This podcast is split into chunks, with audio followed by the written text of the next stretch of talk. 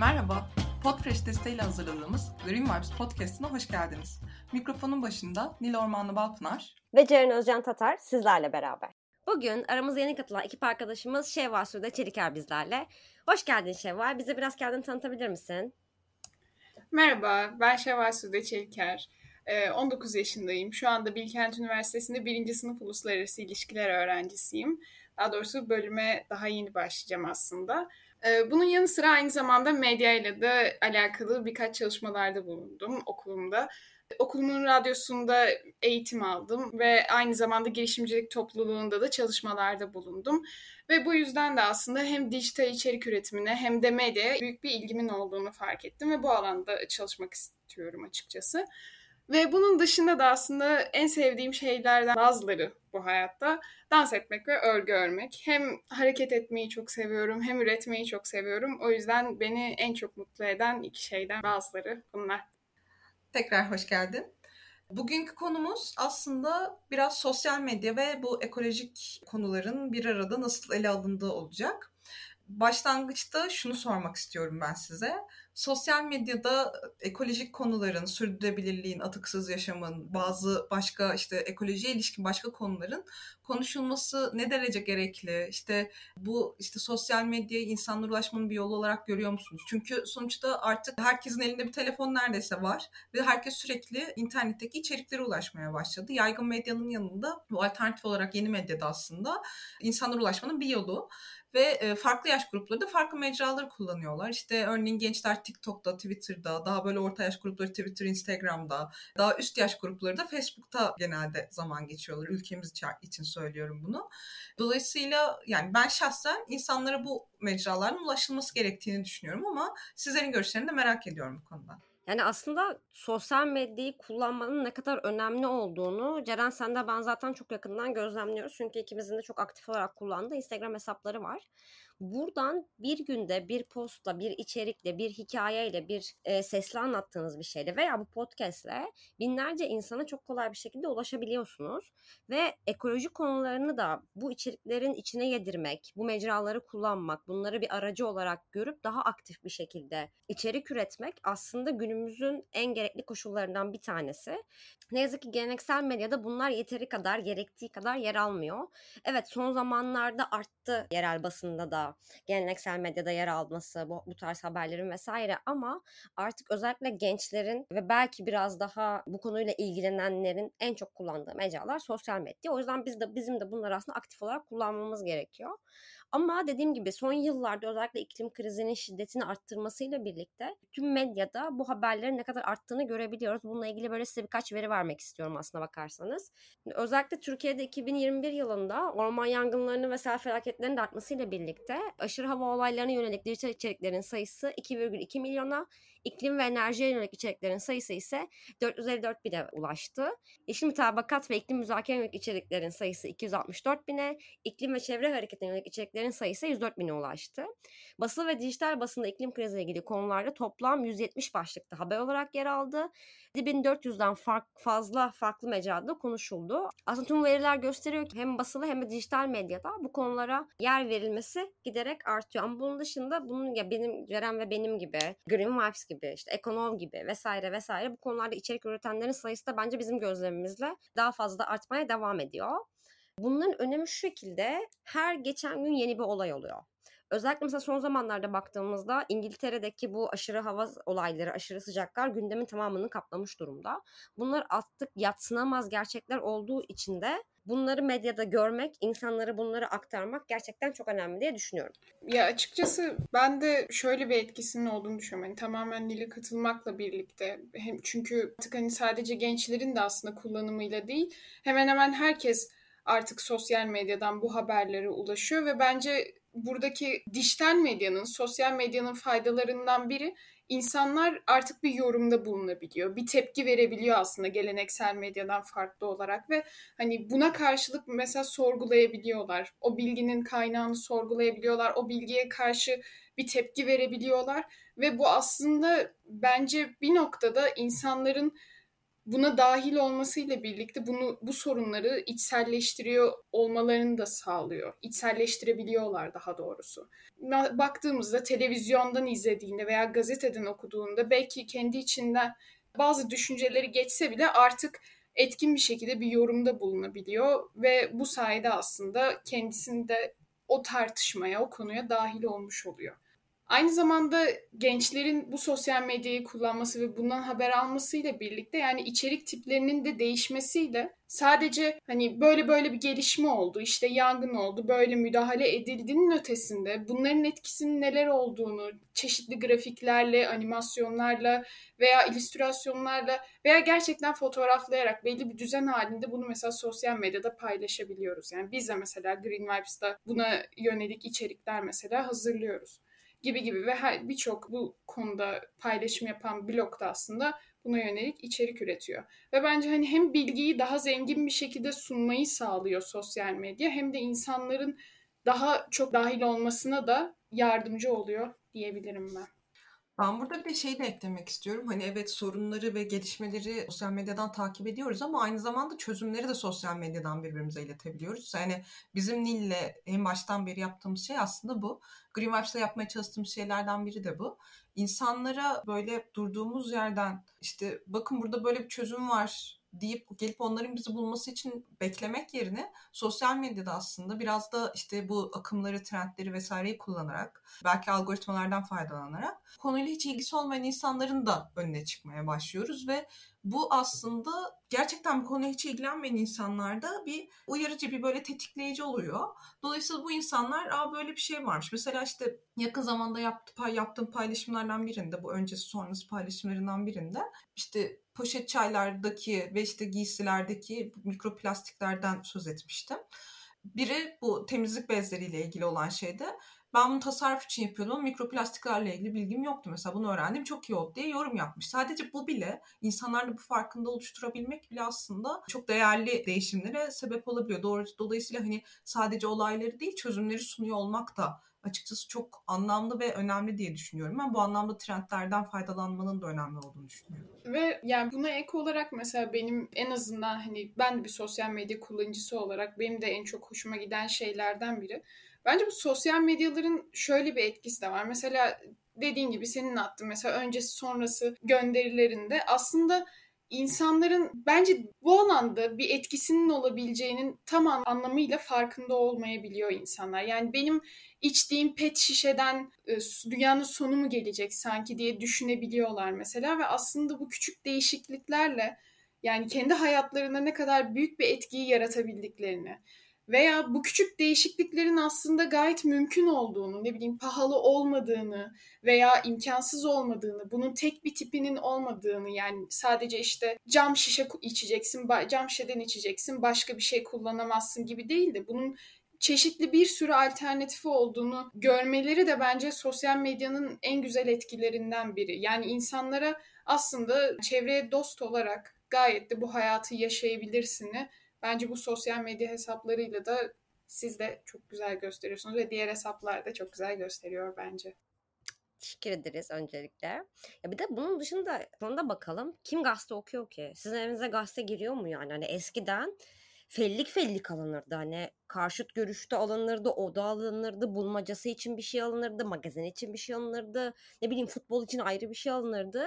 Şu an çoğu insanın evine zaten gazete girmiyor ana haber bültenleri felaketlerden başka bir şey bahsetmiyor. Cinayetlerden bilmem neler. Artık kimsenin içi kaldırmıyor bunları dinlemeye. Ama aslında medya e, şu an biraz e, geleneksel medyada biraz tek taraflı gidiyor. Sadece haber veriliyor ama aslında iletişim dediğimiz şey iki taraflı bir şey olduğu için sosyal medyanın artık günümüzde bu kadar popüler olmasının sebebi bence Şevval senin de dediğin gibi insanların tepkilerini de buna yöneltme ihtiyacını gidermesinden kaynaklanıyor. Bir de bunun dışında şimdi ben Akbelen'den yeni geldiğim için etkisi hala üzerimde ve bunun şunu gözlemliyorum. Sadece Akbelen değil yani Muğla civarında özellikle çok fazla kömür madeninden işte çimento fabrikasından, termik santralden, ondan bundan birçok direnen yerel halk var. Ama onların gazetecilere ulaşmaları o kadar kolay değil. Hani hangi biri biri gazeteci oluşacak da o gazeteci oraya gidecek de bunun haberini yapacak da o haber okunacak da yayılacak da buna ilgili direniş başlayacak da büyüyecek de etkileyecek de olumlu sonuçlanacak da bunlar çok aslında uzun uzun uzun ve artık günümüzde ne yazık ki çok olur yani kolayca olacak şeyler değil. Ama sosyal medyada sen bir video attığın zaman eğer etkili de bir videoysa çok çabuk viral olabiliyor ve herkes bunu duyabiliyor. O yüzden özellikle mesela hani hem bizim belki bireysel çabalarımız için hem de termikten, kömürden, işte ağaç kesiminden, çimento fabrikasından vesaire vesaire bu konulardan muzdarip insanların da sosyal medyayı kullanarak daha çok insanlara ulaşabilmesini de aslında çok net bir şekilde gözlemliyoruz.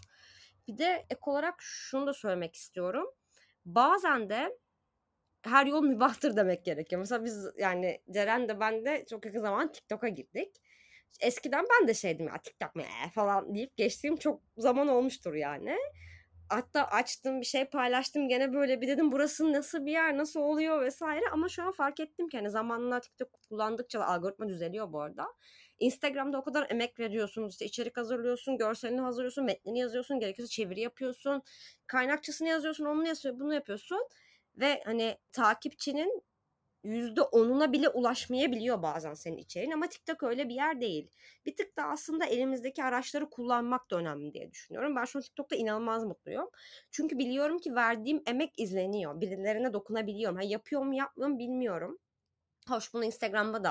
Ha, gerçi Instagram'da da feedback daha fazla alabiliyorsun. Hani yorum kısmında daha çok geliyor.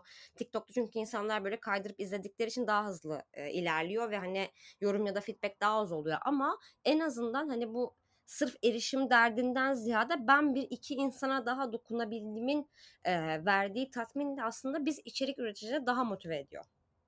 Bir de aslında baktığımızda günün sonunda aldığın o feedbackler seni daha da motive ediyor. Yani ben eğer Hani bu kadar insan bana ulaşmasaydı, hani benim sayesinde öğrendiklerini bana söylemeseydi bu kadar Instagram'da kalır mıydım bilmiyorum. Çünkü aslında çok karşılıklı bir etkileşim bu. Hani hem olumlu hem olumsuz ya da mesela bir soru bile senin daha önce aklına gelmemiş olabiliyor.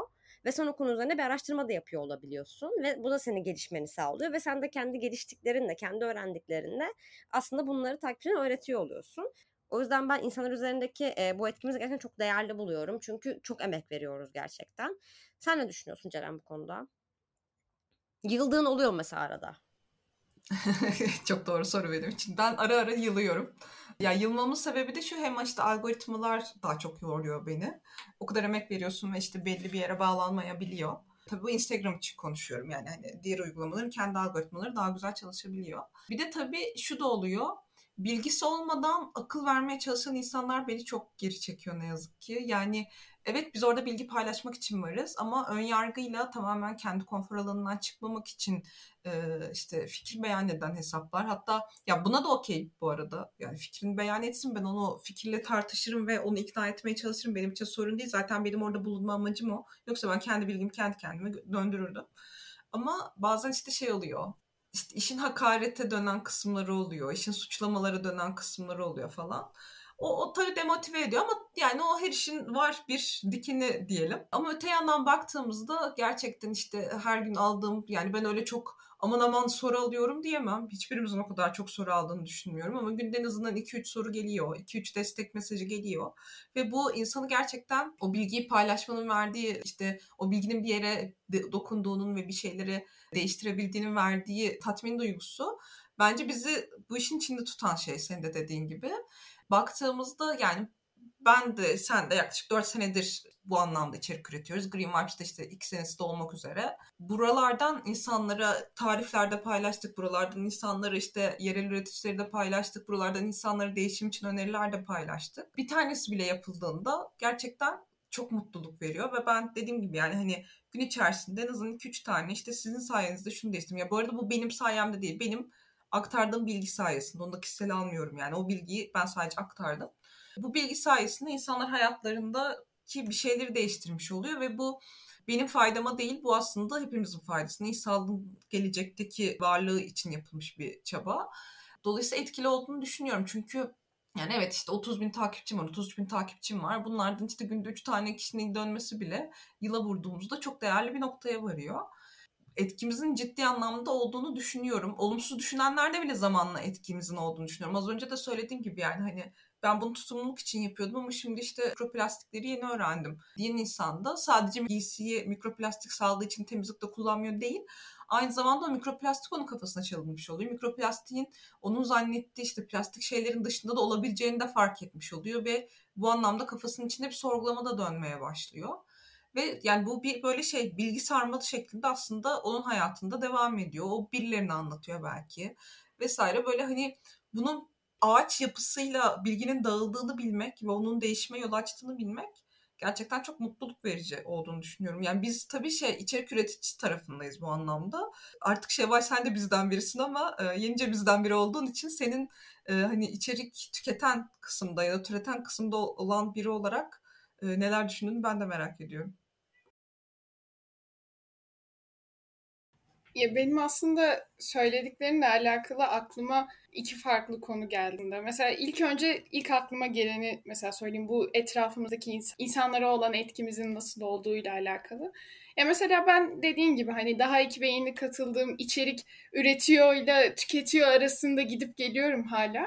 Ama bu mesela hani kendi mesela sosyal medya hesabımdan paylaşıyorum Green Vibes'in gönderilerini ve belki de ne bileyim o ana kadar böyle haberlerde ya evet işte orman yangınları olmasın diye sadece retweet atan böyle yakın arkadaşlarım. Veya sadece bu hani küçümsemek anlamında değil. Hani sadece bu konularla alakalı hani sosyal medyanın dışında fiili olarak bir şey yapmaya çok da gelişmiş olmayan mesela bazı arkadaşlarımla böyle bazı komik sohbetlerim oluyor. Mesela şey sorusu gelmişti hani ben da bir de siz de biliyorsunuz hani bir buçuk iki aydır ekipteyim ama bana soruyor mesela yani kağıt pipet nasıl dünyayı kurtaracak? Bunun nasıl bir etkisi olacak ki?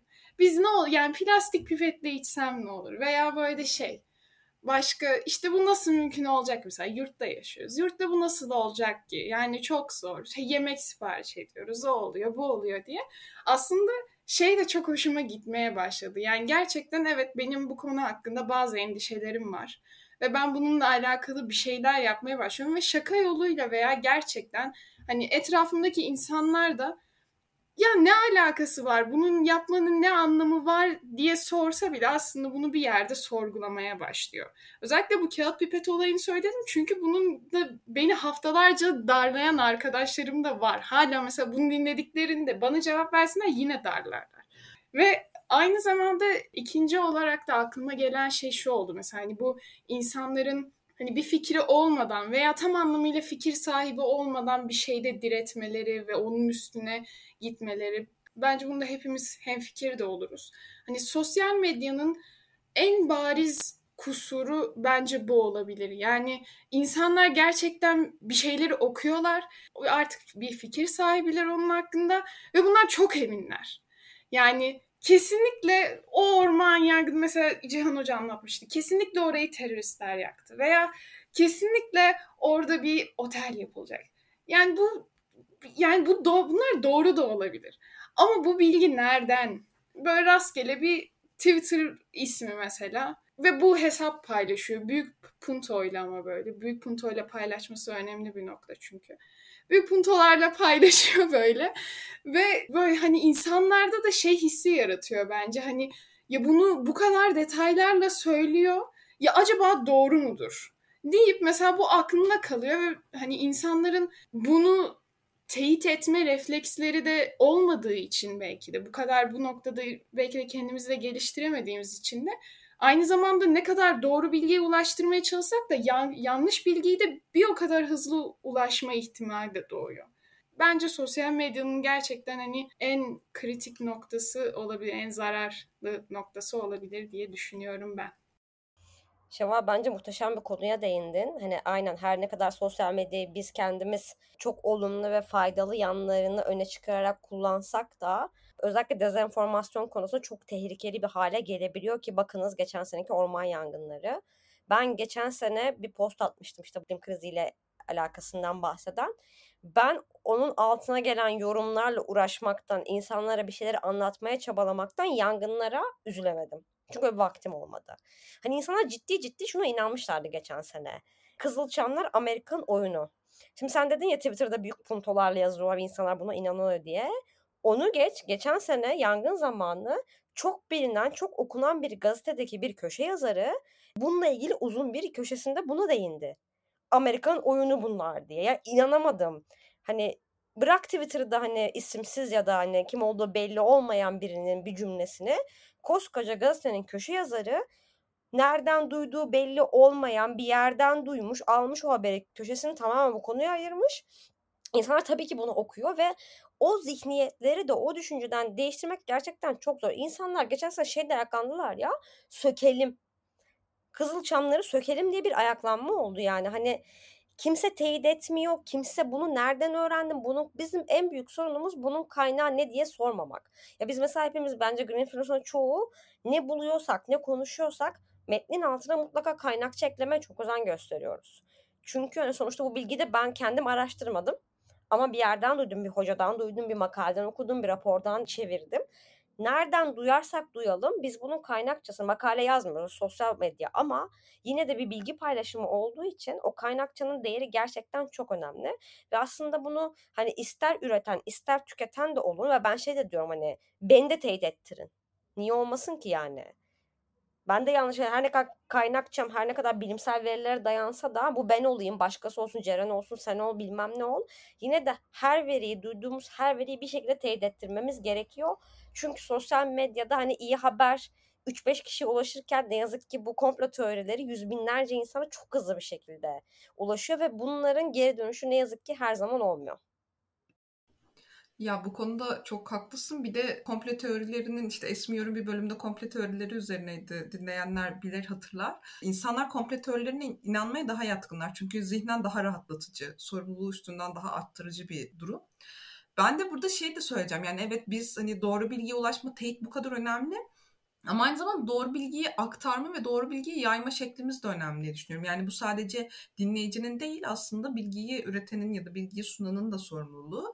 Yani nasıl işte benim bir ayağım akademide olduğu için işte sürekli e, Nil'in dediği gibi hem kaynakça kullanımı söz konusu hem de o bilgiyi kullanırken teyit ediyoruz. O bilginin işte ilk kaynağına gidiyoruz. Olmadı tekrar test ediyoruz. Yani bu yaklaşımı aslında bilgi aktarırken de kullanmak lazım. Burada bir de benim aklıma şey de geliyor. Yani işte Levent Hoca'nın falan da yapmaya çalıştığı şey insanlara bilgiyi aktaran bilim insanları, bilim üreten, bilgi üreten insanların insanlara bilgi aktarabiliyor da olması lazım. Öbür türlü işte akademi bir yerde, bilginin kendisi başka bir yerde, halk başka bir yerde. O yani hani halk kendi bulduğunu anlatmaya çalışıyor, anlamaya çalışıyor.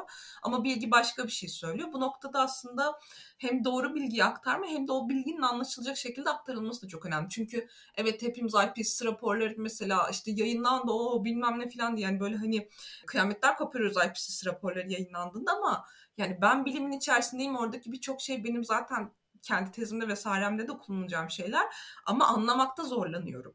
Yani tabii ki IPCC'nin görevi bunu halkın tabanını anlayacağı şekle getirmek değil ama belki de bizim gibi içerik üreticilerinin ya da sosyal medyayı aktif olarak kullanan bilim insanlarının aslında böyle de bir sorumluluğu var. Burada hatta işte şey de giriyor işin içine. Sadece bilgi anlaşılır kılmak değil, bilgiyi ilgi çekici de kılmak gerekiyor. Bu e, iklim haberciliği eğitiminde bizim aldığımız bir şeydi.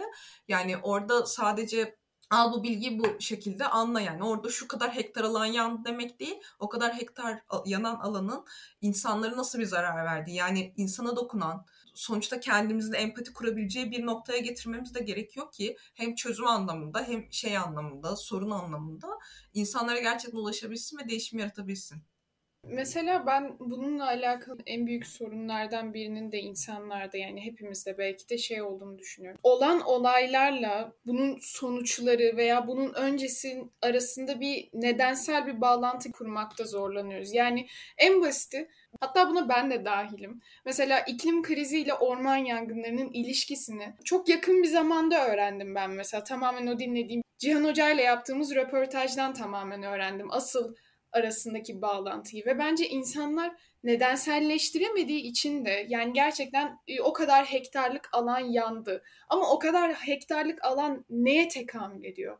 Benim hayatımda ne gibi bir etkisi var, bana ne oluyor, bunun sonucunda bilmedikleri için de aslında iş gerçekten sana, bana, diğer insanlara gelene kadar yani illa bir şey mi yaşamamız gerekiyor bir şeylerin sonucu için.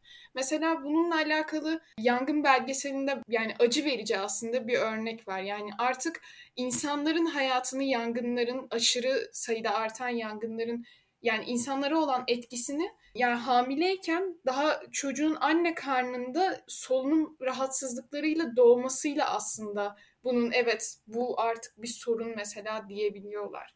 Yani bu noktaya gelmesine gerek yok halbuki yani. Sonuç olarak insanların da aradaki bağlantıları kuramaması da bence sorunların hem anlamamalarına hem de bunun çözümünün ne olacağını ve çözümünün gerçekten nasıl işe yarayacağını anlamamalarından bir pasiflik doğurduğunu düşünüyorum ben. Bizim de aslında burada çok temel bir görevimizin olması gerekiyor. Mesela bir önce bahsettik ya işte hektar, şu kadar kilometre kare. Ya bu arada ben sayılar hiç aram değil. Ben de bilmiyorum hektarı. Ya gözümün önünde canlandıramıyorum. Ya da diyoruz ki işte Türkiye'nin 2021 yılında çıkardığı atık miktarı 32, bilmem kaç ton. Gözümün önünde, gözümün önünde ben canlandıramıyorum. Aslında bizim burada yapmamız gereken belki de bu rakamları bir tık daha ki bunu da iklim haberciliği eğitiminde görmüştük. Hani mesela işte hektar kaç tane futbol sahasına denk geliyor. İşte milyon ton kaç tane balina ağırlığına gelebiliyor. Bir tık bunlara ya bence biz bunu Green Vibes olarak iyi yapıyoruz diye düşünüyorum bu arada. Hani bu insanlar çünkü ya ben de kendi gözümde canlandıramadığım şeyi okuyucular nasıl canlandırsın yani çok normal. Bir de bunun dışında yani bu birkaç gündür hatta yani Akberen'den geldiğimden bir üzerine düşündüğüm bir konu. Bizim için çok rahatlıkla kullandığımız terminolojiler ne yazık ki herkes tarafından anlaşılmıyor. Yani terminolojileri bırakın Hatta iklim krizi, iklim değişikliği, küresel ısınma ne demek bile her çünkü aslına bakarsanız hani bunları anlatmak bile kolay şeyler değil. Aslında belli bir fizik bilgisine hani iyice detayıyla anlatmak istiyorsak gerçekten belli bir fiziktir, bilmem nedir bu bilimsel bilgilere, bilimsel verilere bir tık hakim olmayı da gerektiriyor. Mesela şey konuşuyor, kömürden çıkış. Türkiye 2030'a kadar Türkiye'de şey kömürden çıkmalı. Hani sovat ne demek? Kömürden çıkmak ne demek? Hani belki hani arada çok güzel iklim sözlüğü yapan gruplar var. Biz de bunu hatta düşünmüştük yapalım mı yapmayalım mı? Ama herkes yapıyor diye ama belli belki bizim de bir şekilde dilimizi de daha basitleştirmeye ki mesela Levent Hoca'yı biz niye bu kadar çok seviyoruz? Çünkü herkesin anlayabileceği bir şekilde anlatıyor. Hani ondan dinlemeseydim ben de anlar mıydım bilmiyorum. Onun kitabını okumasaydım, onun eğitimlerine katılmasaydım ben de bu kadar detaylı anlayabilir miydim bilmiyorum. Ama belki onlardan bize böyle bir aktarım şekliyle belki bizim de dilimizi bir tık hafifleştirmemiz gerekiyor. Ya burada kesinlikle insanların anlayacağı şekilde söylemek ve doğru bilgi o şekilde söylemek çok önemli. Bir de yani onu nasıl yapacağımızı bilmiyorum. Bunu sadece bir sorun olarak tespit ettim ama çözümünün ne olduğunu bilmiyorum. Belki dinleyicilerimizden bize öneri gelir bu konuda. Yani bu konunun bir uzmanı vardır. Örneğin işte en büyük yanlış bilgilerden biri yangınları ele aldığımızda işte helikopterlerin ve uçakların eksik olması. Evet helikopterler ve uçaklar yangının söndürülmesinde önemli görevleri üstleniyorlar. Özellikle işte geceleri e, rüzgarın dindiği zaman ekiplere, yer ekiplerine çok ciddi destek sağlıyor. Ama hem önceki podcastimizde Can Hoca ile, ile yaptığımız podcast'te geçti hem de benim şirketimin OGM ile birlikte yaptığı projede de çok çok dile getiriliyordu bu. Uçak ve helikopter yangının ilk 20 dakikasında zaten küçük yangın denilen müdahale edilebilir kontrol altındaki belki de yangın denilen aşamada kontrol altındaki demeyeyim belki o yanlış bir tabir olur ama daha küçük yangınlarda aslında uçak ve helikopterler bir çözüm olarak kullanılıyor. 20 dakikayı geçtikten sonra yangın zaten kontrolden çıkmış oluyor ve bu noktadan sonra da aslında uçak ve helikopterlerin etkisi hiç de sandığımız gibi değil. Yani 1 ila 5 uçağın farkı o kadar bile hissedilmiyor. Başka yer müdahaleleri daha da önem kazanıyor. Hani bizim OGM ile yaptığımız görüşmelerden biliyorum. Ama öyle bir kriz anında insanlara bunu anlatabilmemiz de mümkün olmuyor. Yani insanlar o kadar böyle uçak yok, helikopter yok ve şey yani bunun hani herhangi bir siyasi arka planı, siyasi görüşün arka planı olmasına da gerek yok. Yani hani her türlü her görüşten insan aynı yere vurgu yapmaya başlıyor. Uçak yok, helikopter yok diye. Ama baktığımızda zaten aslında uçak ve helikopter o kadar da hayati değil. Yani hani, hani yangın gönüllüsü olup yangın eğitimi alıp alanda çalışmak bile aslında uçak ve helikopterden daha ciddi etkiye sahip olabildiğini söylüyor bazı uzmanlar. Dolayısıyla hani bu noktada bir tık gene sorumluluğunu üstümüzden atmaya çalışıyoruz. Ne yapıyoruz? Bu bilgiyi insanlara doğru zamanda nasıl aktarabiliriz? Çünkü orada şey olunca yani hani işte helikopter yok, uçak yok dendiğinde ya tamam da zaten helikopter ve uçak şu an bir işe yaramayacak dediğimizde bu sefer de hani farklı bir siyasi kimliktenmişiz de bir şeyleri savunuyormuşuz gibi etiketlenebiliyoruz. Ama aslında o değil yani bizim hani zaten söz konusu ekoloji olunca bence siyasi partilik bir yanı kalmıyor işin. Yani herkesin suçlu olduğu bir noktaya dönüşüyor ekoloji. Dolayısıyla hani o bilgi ne zaman aktarmalıyız, nasıl aktarmalıyız, bu bilgi nasıl yayılabilir, insanların o korkuyla yaydığı bu bilgiler nasıl engellenebilir? Bence bu da belki bu podcast'te, belki bence başka bir podcast'te tartışılması gereken bir konu olduğunu düşünüyorum. Bu konunun iletişim, belki bir iletişim uzmanı falan da çağırarak. Bence sosyal medyada hani bu bahsettiğin şeye katılıyorum gerçekten. Hani insanlar bir anda böyle galeyana gelip hani tek bir şeye odaklanıp aslında yani yanlış daha doğrusu doğru olmayan ya da yanlış anlaşılan bir noktaya odaklanıp diğerini mesela göz ardı edebiliyorlar asıl sorunları. Bu arada şey de çok yani bu dediğin şey çok önemli gerçekten. Çünkü sosyal medyada insanlar çok kolay galeyana gelebiliyor. Örneğin geçenlerde şöyle bir video çıktı bilmiyorum gördünüz mü? Hani benim için önemli değil insanların dış giyiminde neyi tercih ettikleri de çarşaflı iki tane kadın parkta böyle işte bir kese var yanlarında yanlış hatırlamıyorsam yani kese dediğim bir çanta var. Bu çantaya bir tane kazı koymaya çalışıyorlar ve bu sosyal medyada parktan da kaz çalmazsın ya gibi tepkilerle paylaşıldı. Ama böyle bir, bir gün sonrasında işte zabıta ekipleri falan gidip ilgilenmiş insanlarla. Iraklı bir aileymiş bunlar ve e, kendi küçüklükten, civcivlikten yetiştirdikleri ördeği parka getirmişler. Ve parkta işte gezdirip suya filan salıp ondan sonra eve götürmek için kendi keselerine koymuşlar. E, ama bu sosyal medyada hem etnik kökenden dolayı hem de giyimden dolayı insanların fazlaca yargılanmasına ve işte böyle yanlış zaten tamamen yanlış yargılanmasına sebep olmuş. Dolayısıyla hani bu bahsettiğin bu aniden galeyana gelme durumunu ben çok çok riskli buluyorum. Ya açıkçası ben gerçekten dediklerine tamamen katılıyorum. Çünkü hani gerçek dünyada olmadığı için insan yani hala sosyal medyada ya etkisini görmediği için çoğu insan hala dilediği şekilde konuşabileceğini düşünüyor. Halbuki bu sosyal medya artık bizim ana iletişim araçlarımızdan biri olduğu için de aslında çoğu insan bence bununla alakalı bilinçlenmeye de başlayan veya kendini bilinçlendirmeye çalışan bir insan grubu da var bununla birlikte. Veya bununla alakalı mesela teyit gibi bir kuruluş var örnek verirsek. Yani bu insanlar gerçekten sen bir bilgiyi nasıl kontrol edebilirsin veya bir mesela bir kriz anında dezenformasyonla karşılaşıyorsan o zaman bunu karşı nasıl bir tepki alabilirsin? Ne yapabilirsin? Ne yapmalısın diye çeşitli yollar sunuyorlar mesela ve bence bu hiçbir zaman biteceğini zannetmiyorum. Hani bu zorbalığa, bu siber zorbalığa de- devam eden insanların tam anlamıyla biteceğini tahmin etmesem de yine de bence hal, aynı şekilde bilinçlenmeye doğru da yani kendini bilinçlendirmeye çalışan insan grubunda da bence bir artış söz konusu. Ve bir şey daha eklemek gerekirse aslında sosyal medyanın geleneksel medyadan bence bu zararları olsa da güzel bir farkı gündemi insanların bir noktada değiştirebiliyor olması. Mesela bu e, karşılaştığımız işte terörizmle alakalı mesela orman yangınlarındaki terörizmle alakalı veya diğer bilgilerle alakalı geleneksel medyada istediğimiz o bilgilere veya doğru yani onun doğruluğuna yanlışlığına tam anlamıyla ulaşamıyorduk. Ve bu yüzden de aslında artık yavaş yavaş geleneksel medyaya olan güvenimizi de kaybetmiş gibi olduk aslında. Çünkü doğru yani istediğimiz bilgiye tam anlamıyla ulaşamıyorduk. Doğruluğu veya yanlışlığı kesin değil. Ama sosyal medyanın böyle kötü yanları olsa da insanların gündemi yanlış oluşturmasına ve dezenformasyona da sebep olsa da bir yerde gündemi hala insanların belirleyebiliyor olması da bence önemli bir nokta. Çünkü daha hızlı etkiye sahip olabiliyor böylece. Veya dediğin gibi aslında o Akbelen'deki durum gibi. Yani hangi gazeteciye ulaşacaklar? Ne zaman ulaşacaklar? O kişi nasıl gelecek? Ama sosyal medyada yaptıkları, Twitter'a attıkları bir e, mesajla, Instagram'a koydukları bir fotoğrafla aslında bir kamuoyu oluşturmaya da bu çok oldukça yardımcı oluyor. Sen teyitten bahsederken aklıma şu geldi. İşin ironik tarafı mesela teyit de zorbalığa uğruyor bir yandan. Bu da işin ironisidir diyorum. Amerika fonluyor sizi falan diye baya üstüne gidil yayınlar, durumlar falan da olmuştu diye hatırlıyorum.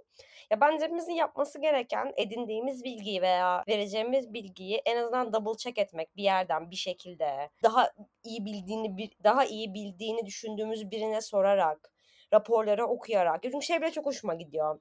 Mesela geçen Cemre Sıla benden galiba yanlış hatırlamıyorsam aşırı hava olaylarıyla ilgili, Türkiye'deki aşırı hava olaylarıyla ilgili bir veri istemişti. Söyledim bana direkt ki kaynağı ne? O kadar hoşuma gitti ki bunu sorması ya. Hemen çat diye rapor yapıştırdım falan. Hani kendi aramızda bile aslında bu kaynağını sormak, nerede sormak ben çok değerli ve bunu hepimizin yapması gerekiyor. Bu biraz e, üstenci dil mi diyeyim ya da hani herkesin terminolojiye hakim olmaması diyeyim. Hani bu konularda da eğer sizin de bir fikriniz varsa hani bu konuyu biraz daha açar mısınız? Ben bu konuyu tam anlamıyla kafamda oturtamadım. Şununla şunun ilişkisini tam olarak anlayamıyorum gibi sorularınız varsa bize her zaman ulaşabilirsiniz. Hani hem bültenden olabilir, buradan olabilir, kendi sosyal medya hesaplarımızdan olabilir. Her türlü bir şekilde size bu konuda yardımcı olmaya, açıklamaya, daha detaylı bilgi vermeye ve bunu bir şekilde daha basit tutmaya her zaman çalışırız geri dönüşleriniz bizim için her zaman çok önemli ki podcast'te hani biraz önce dedik hani Instagram'da geri dönüşler daha fazla oluyor ama podcast'te bu çok fazla olmuyor. Ama her zaman dediğimiz gibi bize Instagram hesaplarımızdan, maillerimizden, her türlü yerden iletişime çok fazla açığız. Dinlediğiniz için çok teşekkür ederiz. Biz, bence bizim için çok keyifli bir yayın oldu. Umarım siz de zevkli dinlemişsinizdir. Daha dostunuz, Green Vibes'ınız bol olsun. Görüşürüz. Görüşmek üzere. Görüşmek üzere.